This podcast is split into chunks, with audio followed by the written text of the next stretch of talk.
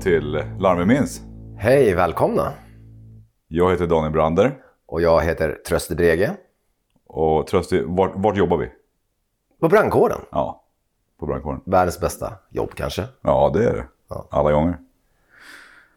Hör du, Mm. vems tur är det idag? Ja, idag är det ju din tur Ja, att berätta om ett larm du minns. ja det är det. Och eh, det kommer jag göra också. Ja, Det här larmet, eh, det är ett väldigt speciellt larm. ja. Och det blev inte riktigt som vi hade trott på, vår, på utlarmningen. Liksom. okej. Det kastade omkull lite grann eh, det vi möttes av. Liksom. Mm, jag förstår. Men eh, det låter ju väldigt intressant. Ja, Eh, Jag tänker att du bara kan köra igång. mm. Då ska jag berätta det här larmet så som jag minns det. Eh, och jag har bytt ut platser och namn för att skydda alla inblandade. Vad bra brandare. Varsågod.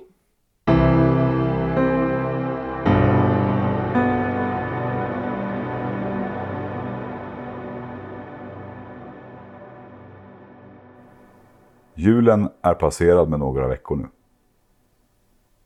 Jag äter lunch framför tvn och tänker att det börjar bli dags att röja undan pyntet. Jag brukar ha mycket tid hemma veckorna jag har beredskap på deltidsstationen. Då blir det ofta att jag passar på att fixa med huset eller plocka hemma. Att ha beredskap innebär att jag har en personsökare på mig hela tiden. Och så fort ett larm går måste jag bege mig till brandstationen. Fem minuter från det att larmet går måste första brandbilen lämna brandstationen. Jag började min bana inom brandkåren med att arbeta på brandvärn. En anställningsform där brandmän är frivilliga och inte har någon skyldighet att åka på larm. Det vill säga att de brandmän som kan åker på larmet. Något som är vanligt i mindre samhällen ute på landet. Tyvärr så är det ofta svårt att få tag i personal på landsbygden. Alla är inte tillgängliga i den mån som behövs för att kunna driva en fullt bemannad brandstation dygnet runt. Det innebär även att en annan station behöver larmas. För att säkra att någon faktiskt åker dit. Men den stationen kan ligga rätt så långt bort. Efter en tid på brandvärnet blev jag deltidsbrandman på orten där jag bor nu. Det känns viktigt att bidra till samhället på orten. Samtidigt som jag fick chansen att arbeta med det jag alltid drömt om. Jag hade även turen att bli erbjuden en brandmannatjänst på heltid. Så idag är jag brandman på både en heltidsstation och en deltidsstation. Som ni hör så är livet som brandman en stor del av min identitet.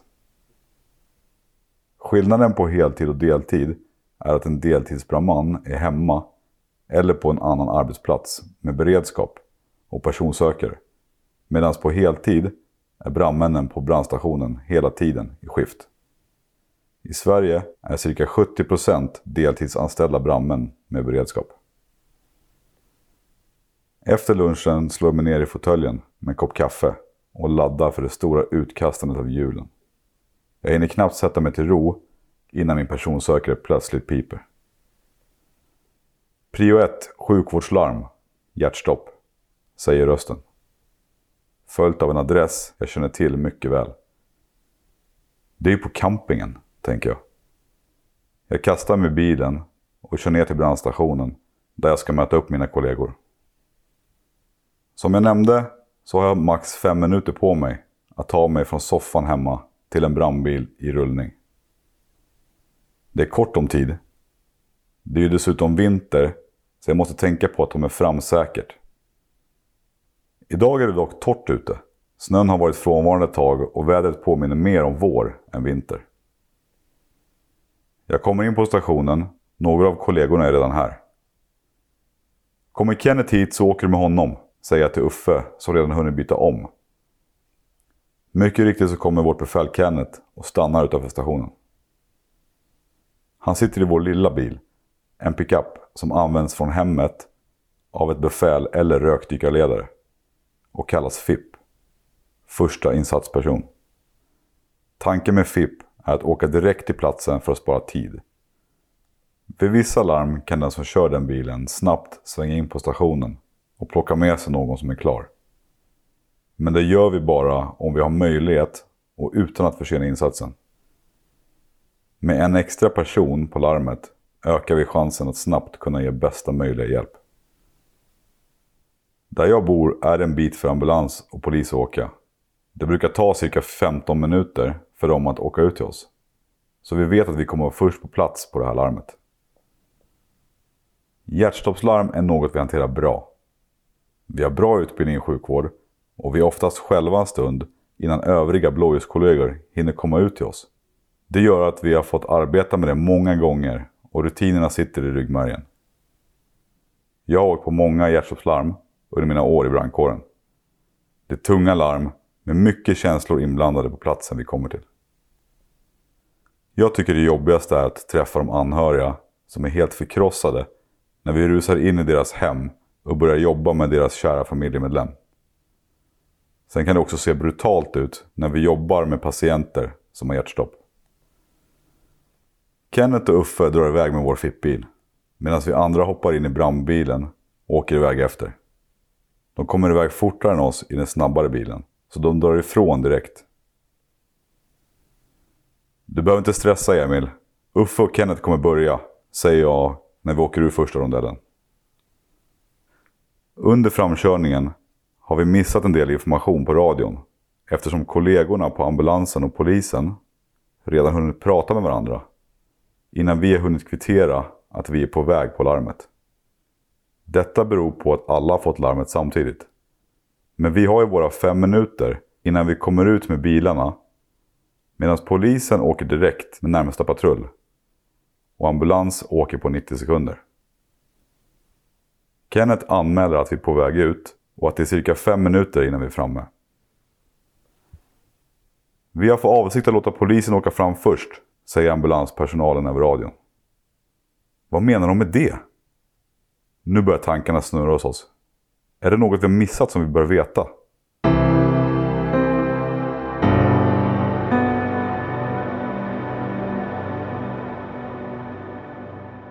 Kenneth ropar upp på radion och frågar varför ambulansen tänker avvakta polisen.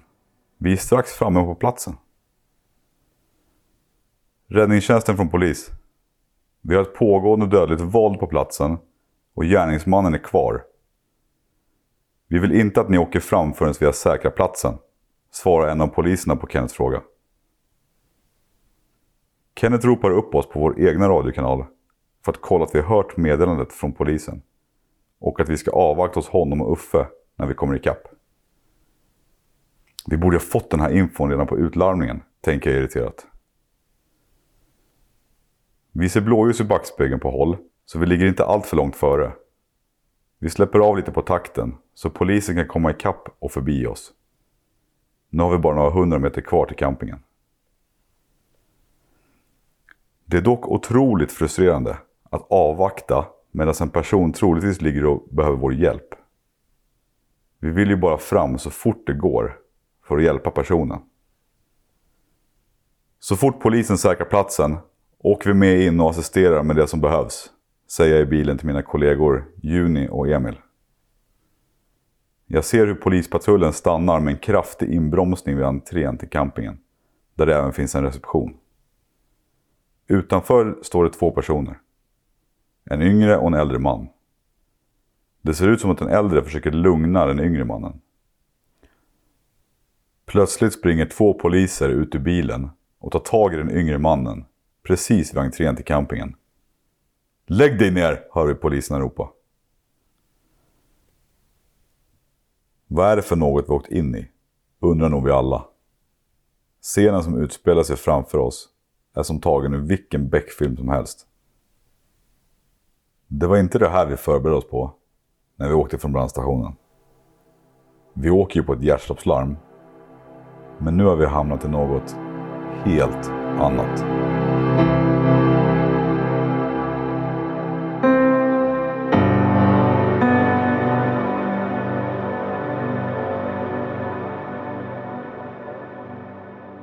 Den yngre mannen gör inget motstånd. Utan det ser mer ut som han väntade sig det här när han nu ligger på mage på asfalten, bojad, med poliserna bredvid sig. Fler polispatruller anländer nu och assisterar.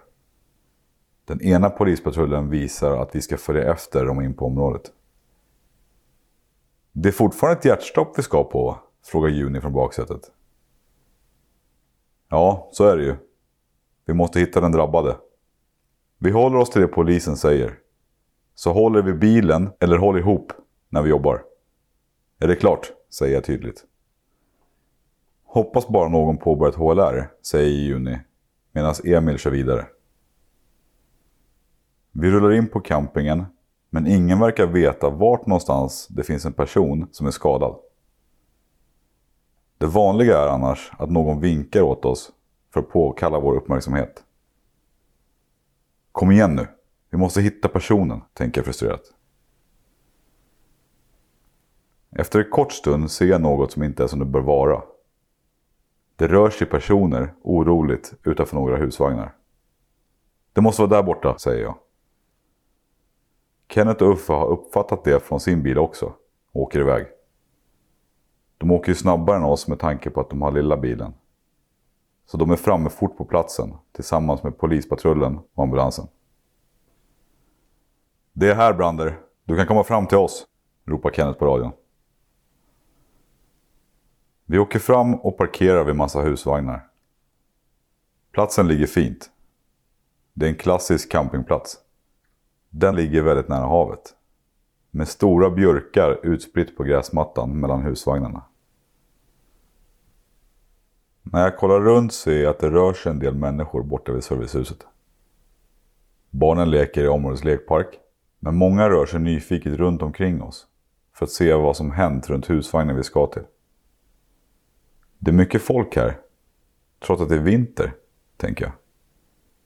Tills jag kommer på att campingen har ju faktiskt långliggare som de kallas. Alltså folk som bor där även på vintern. Något vi fick veta när vi hade övning i islivräddning här för ett år sedan. Jag går fram mot den ena husvagnen. Personerna utanför känns aningen oroade över situationen. Det är en klassisk husvagn med förtält. Inget som sticker ut åt något håll. Uffe och några poliser går in i husvagnen och hittar en person på golvet. Här är det, ambulans hit, ropar Uffe från insidan. Det är väldigt mycket personal där inne, så jag kommer inte in, utan börjar istället plocka undan prylar i förtältet tillsammans med Kenneth, för att skapa utrymme på platsen. Vi flyttar ut bord, stolar och en del prylar på gräset utanför. Det kommer vara mycket personal på liten yta, så utrymme kommer behövas. Kollegorna från polisen fokuserar på utredningsarbetet nu, när vi är så många på platsen som tar hand om patienten. Några poliser pratar med personer runt husvagnen och en polis verkar ha kontakt med kollegorna vid entrén till campingen, där den gripne mannen finns. Juni och Emil avvaktar vid bilarna för att det inte ska bli för rörigt på platsen. Vi vill gärna inte vara för mycket folk då det kan stöka till det istället för att hjälpa till. De kan istället plocka fram utrustning från ambulansen eller material från våra fordon om det skulle behövas. Och behöver vi fler händer och fötter så är de bara ett anrop bort. Uffe och kollegorna från ambulansen drar fram personen till en större yta inne i husvagnen för att påbörja HLR. Vi har fixat ett utrymme för er att jobba på här ute Uffe, ropar Kenneth. Men Uffe svarar att de inte kommer ta ut personen dit. Jag hör samtidigt som jag plockar undan prylar att polisen inte vill att vi ska röja runt för mycket, då det är en brottsplats nu. Vi backar undan, säger Kenneth. Så vi går ut från förtältet och finns istället till förfogande på avstånd ifall vi skulle behövas. Jag hör att det arbetas för fullt inne i husvagnen samtidigt som en kollega från polisen står och förhör några personer en bit bort. Jag förstår i det här läget att det inte är riktigt som ett vanligt hjärtstopp.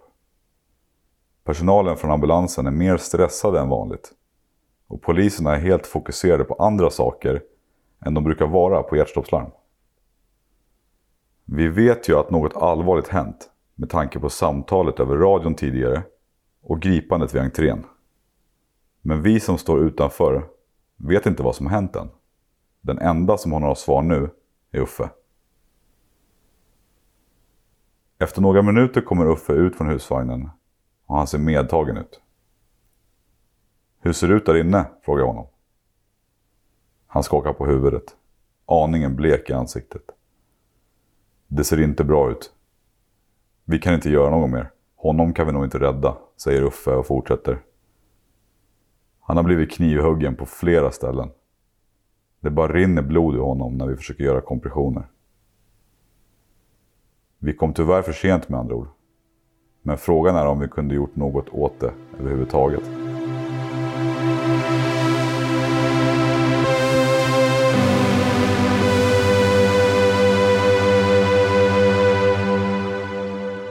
Ibland kommer vi för sent.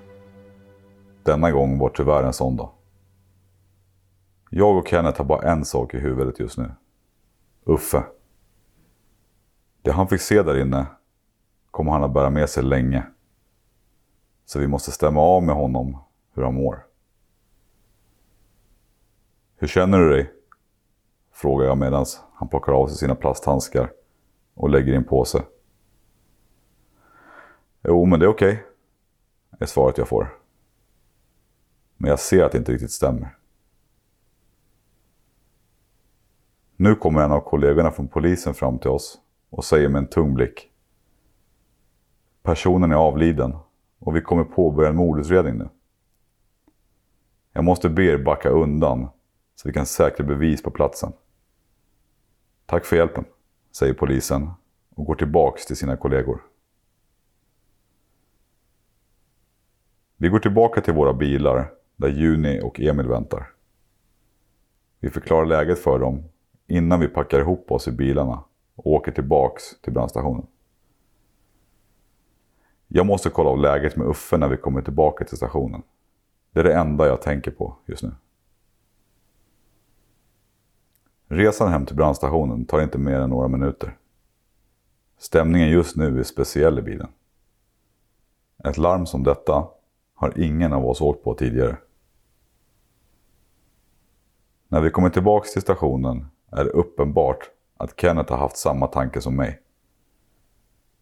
Samling på kontoret när ni är klara, säger han när vi tar av oss larmkläderna och hänger upp dem igen. Juni och Emil återställer vår sjukvårdsväska medan jag och Uffe går och duschar. När vi är klara har Kenneth satt på kaffe och vi sätter oss inne på kontoret i en grupp fåtöljer och börjar prata igenom larmet. Vi surrar någon timme, från starten på larmet tills det att vi åkte hem igen. Vi går igenom vad som hänt och alla får ventilera sina känslor. Uffe är såklart omtumlad, men ändå tillbaks i sitt vanliga jag igen. Men jag ska hålla koll på honom de närmaste dagarna, tänker jag. Men nu är det bara att åka hem igen. För att ta tag i julprylarna som ska röjas bort. Med några fler tankar i huvudet än innan. Kontrasterna kan verkligen vara omtumlande ibland. Från lunch framför TVn till en mordplats likt en Beck-film på under 15 minuter. Det svänger fort ibland som deltidsbrandman.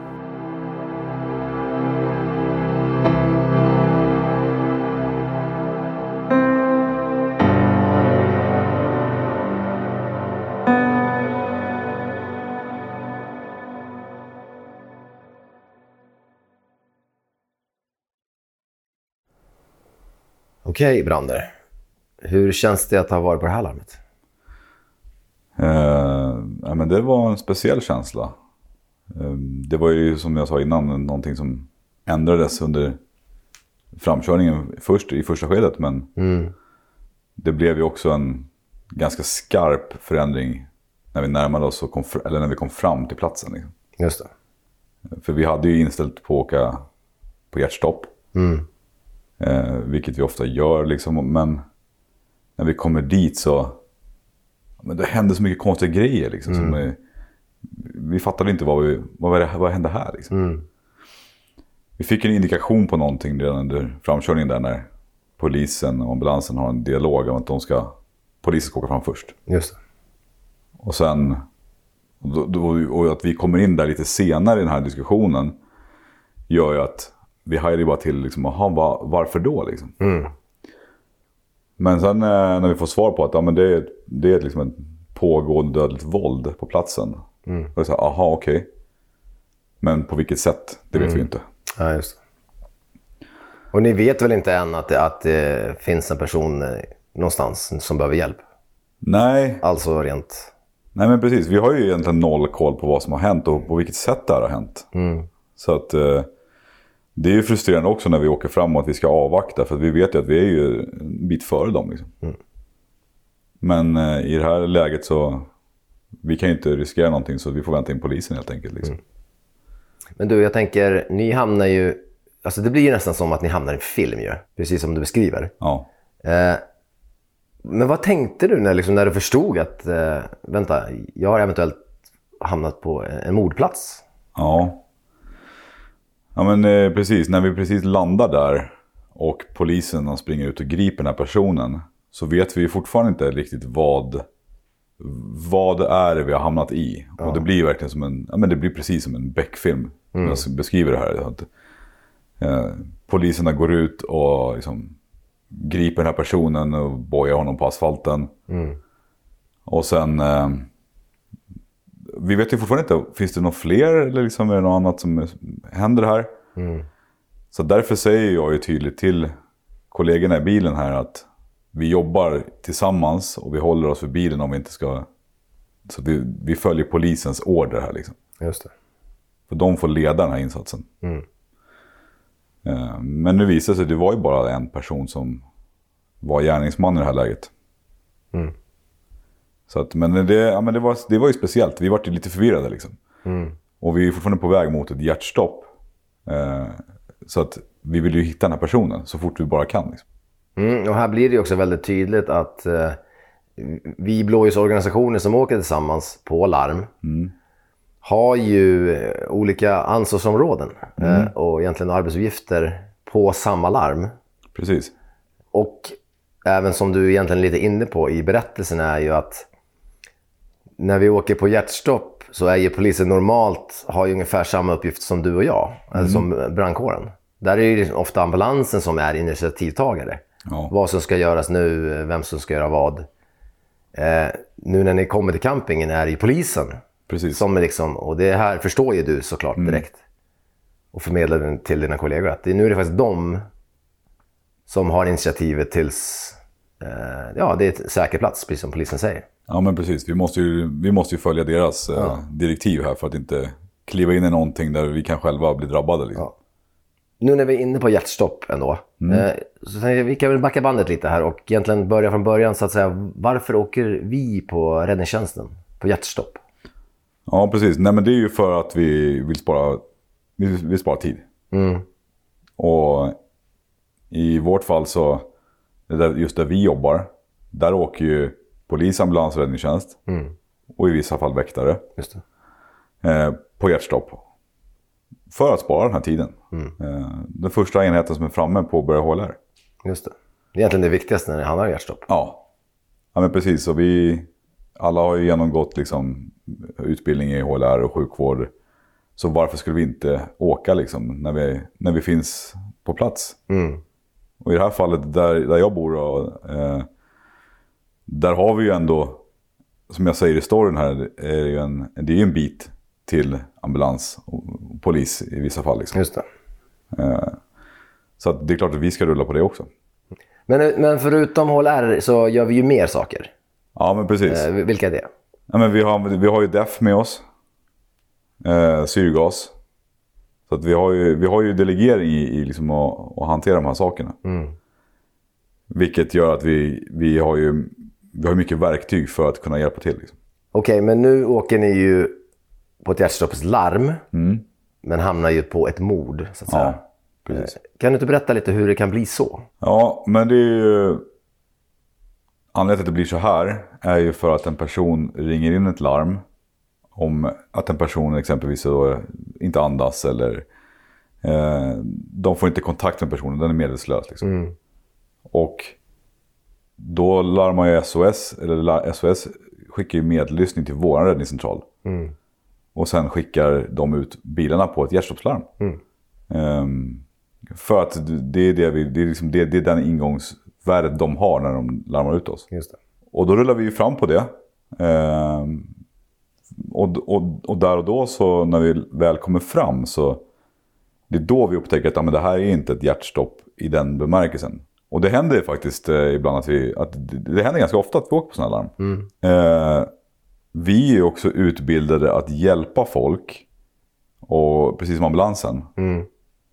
Medan polisen i deras utbildningar så är de mer utbildade att liksom tänka säkerhet och skydda sig själv, alltså skydda sig och omgivningen. Just det. Vilket gör att vi kanske, vi är kanske lite naiva ibland när vi springer in i sådana här äh, hjärtstoppslarm. Eh, det- Där det visar sig att det har varit ett våld inblandat. Just det. Som gör att vi, har lite, vi kanske har lite skygglappar och liksom direkt på patienten i det här läget. Eh, Det måste ju vi bli mycket bättre på. Och tänka våran säkerhet. Vi tänker ju väldigt mycket säkerhet i de andra larmen vi åker på. Liksom brand och trafikolyckor och drunkning.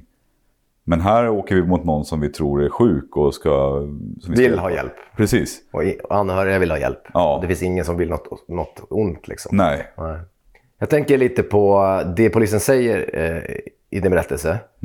Eh, pågående dödligt våld. Eh, det är ju mer än de tre orden så att säga. Ja. Eh, kan, kan du berätta vad, vad polisen menar? Ja, men eh, pågående dödligt våld. Eh, det är ju någonting som har kommit eh, i senare tid i min karriär.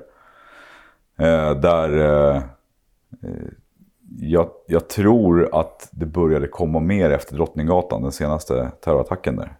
Eh, att eh, vi kommer ju jobba efter ett koncept där poliserna ska säkra arbetsplatsen för oss, eller skadeplatsen blir det. Den Vilket- ska vara tillräckligt säker. den ska vara tillräckligt säker för oss att kunna jobba i. Och då kan det ibland bli så att insatserna fördröjs. Som i det här fallet. Att insatsen fördröjs på grund av att polisen måste säkra platsen så vi kan jobba i säkerhet. Just det.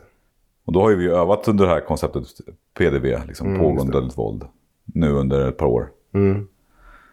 Eh, För att bli mera trygga i att jobba, dels jobba alltså saktare eller vad ska man säga, försiktigare. Och inte rusa in i saker. För det ligger lite grann i vår natur att eh, där det finns skada, skador eller olyckor, där vi, vi vill vi liksom in och, och göra våran grej. Ja, absolut. Direkt liksom. Ja. Och det krockar lite grann ibland. Men eh, det här hände ju på din ena brandstation på deltiden. Precis. Eh, där du ju liksom ena stunden Ja. sitter hemma Ja. och andra stunden är liksom på en mordplats. Ja. Eh, det skiljer sig ju lite mot eh, stationer med heltid. Där man ändå är på jobbet och sen så åker ut och gör ett jobb. Så att säga. Eh, även om det kan också vara märkligt ibland. Mm. Eh, vad tänker du om den här kontrasten som man har när man jobbar deltid? Ja, men det, det är jättestora kontraster emellan. Eh, jag menar, när jag åker till, till mitt ordinarie jobb som brandman liksom, på heltid. Då, åker jag, då åker jag till jobbet och så när jag är på jobbet då är jag liksom beredd på att åka på larm. Och man, man, är, man, är liksom, man, är, man är förberedd på det.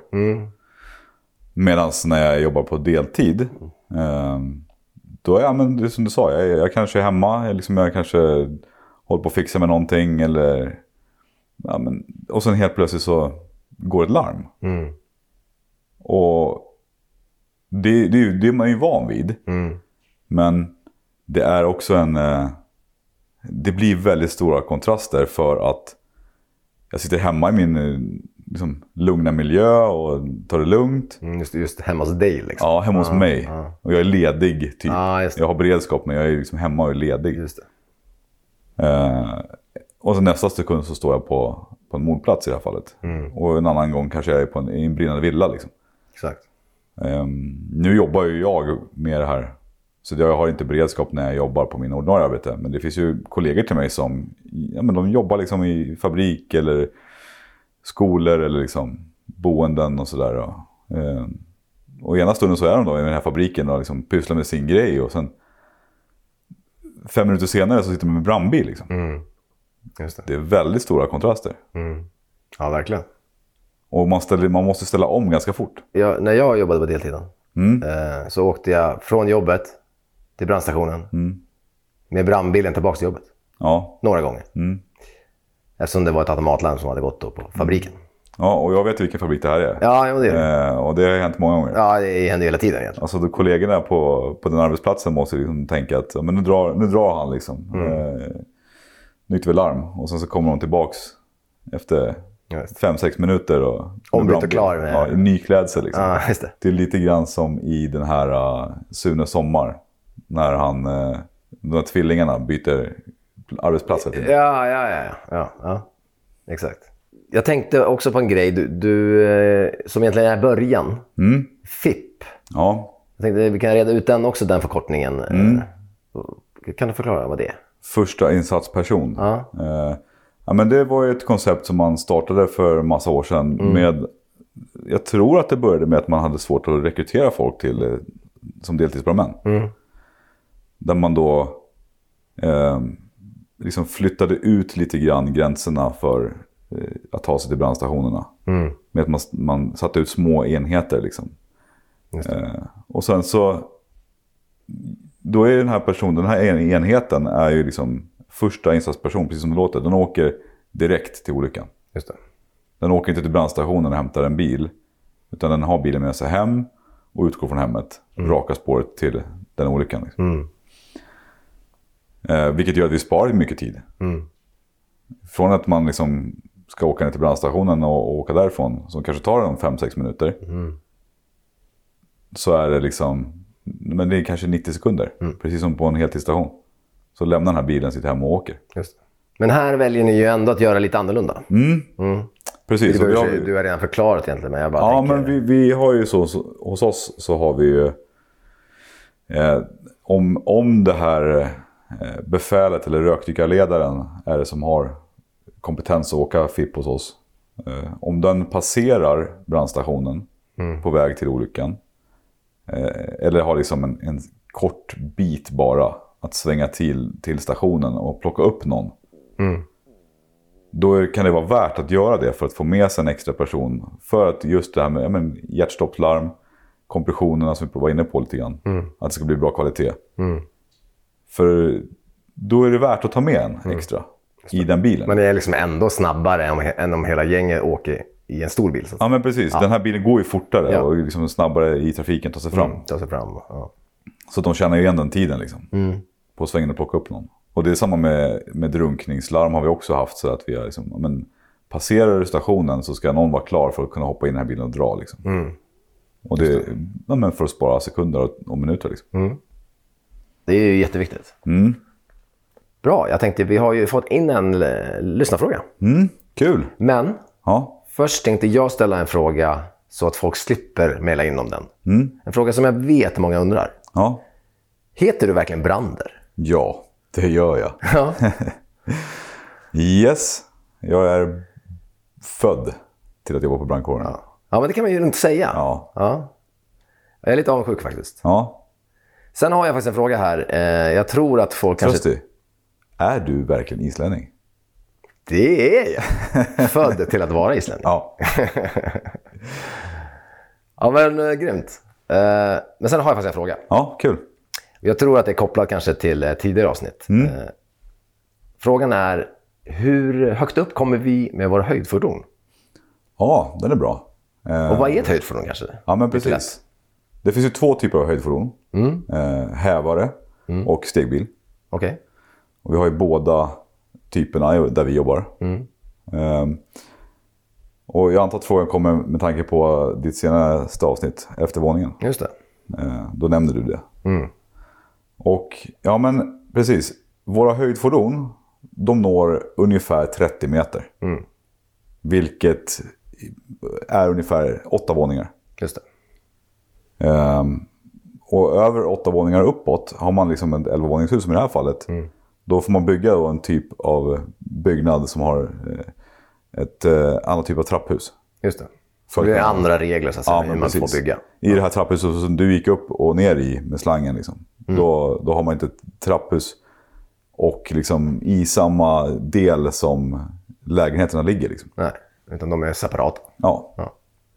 Så eh, kort svar, eh, 30 meter, 8 våningar. Bra svarat. Men kul att du fick in en fråga, för jag skulle vilja att vi fick in fler frågor. Vad kan man göra då?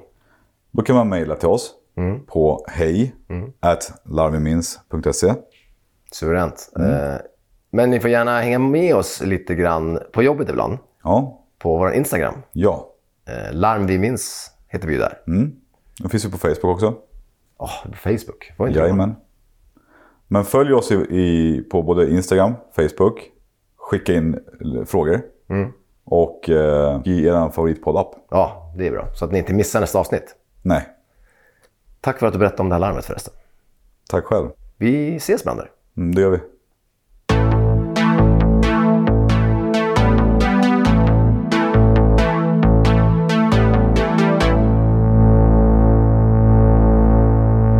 Larm vi minns produceras av Malin Brege, Trösti Brege och Daniel Brander. Ljud och musik Marcus Söderberg.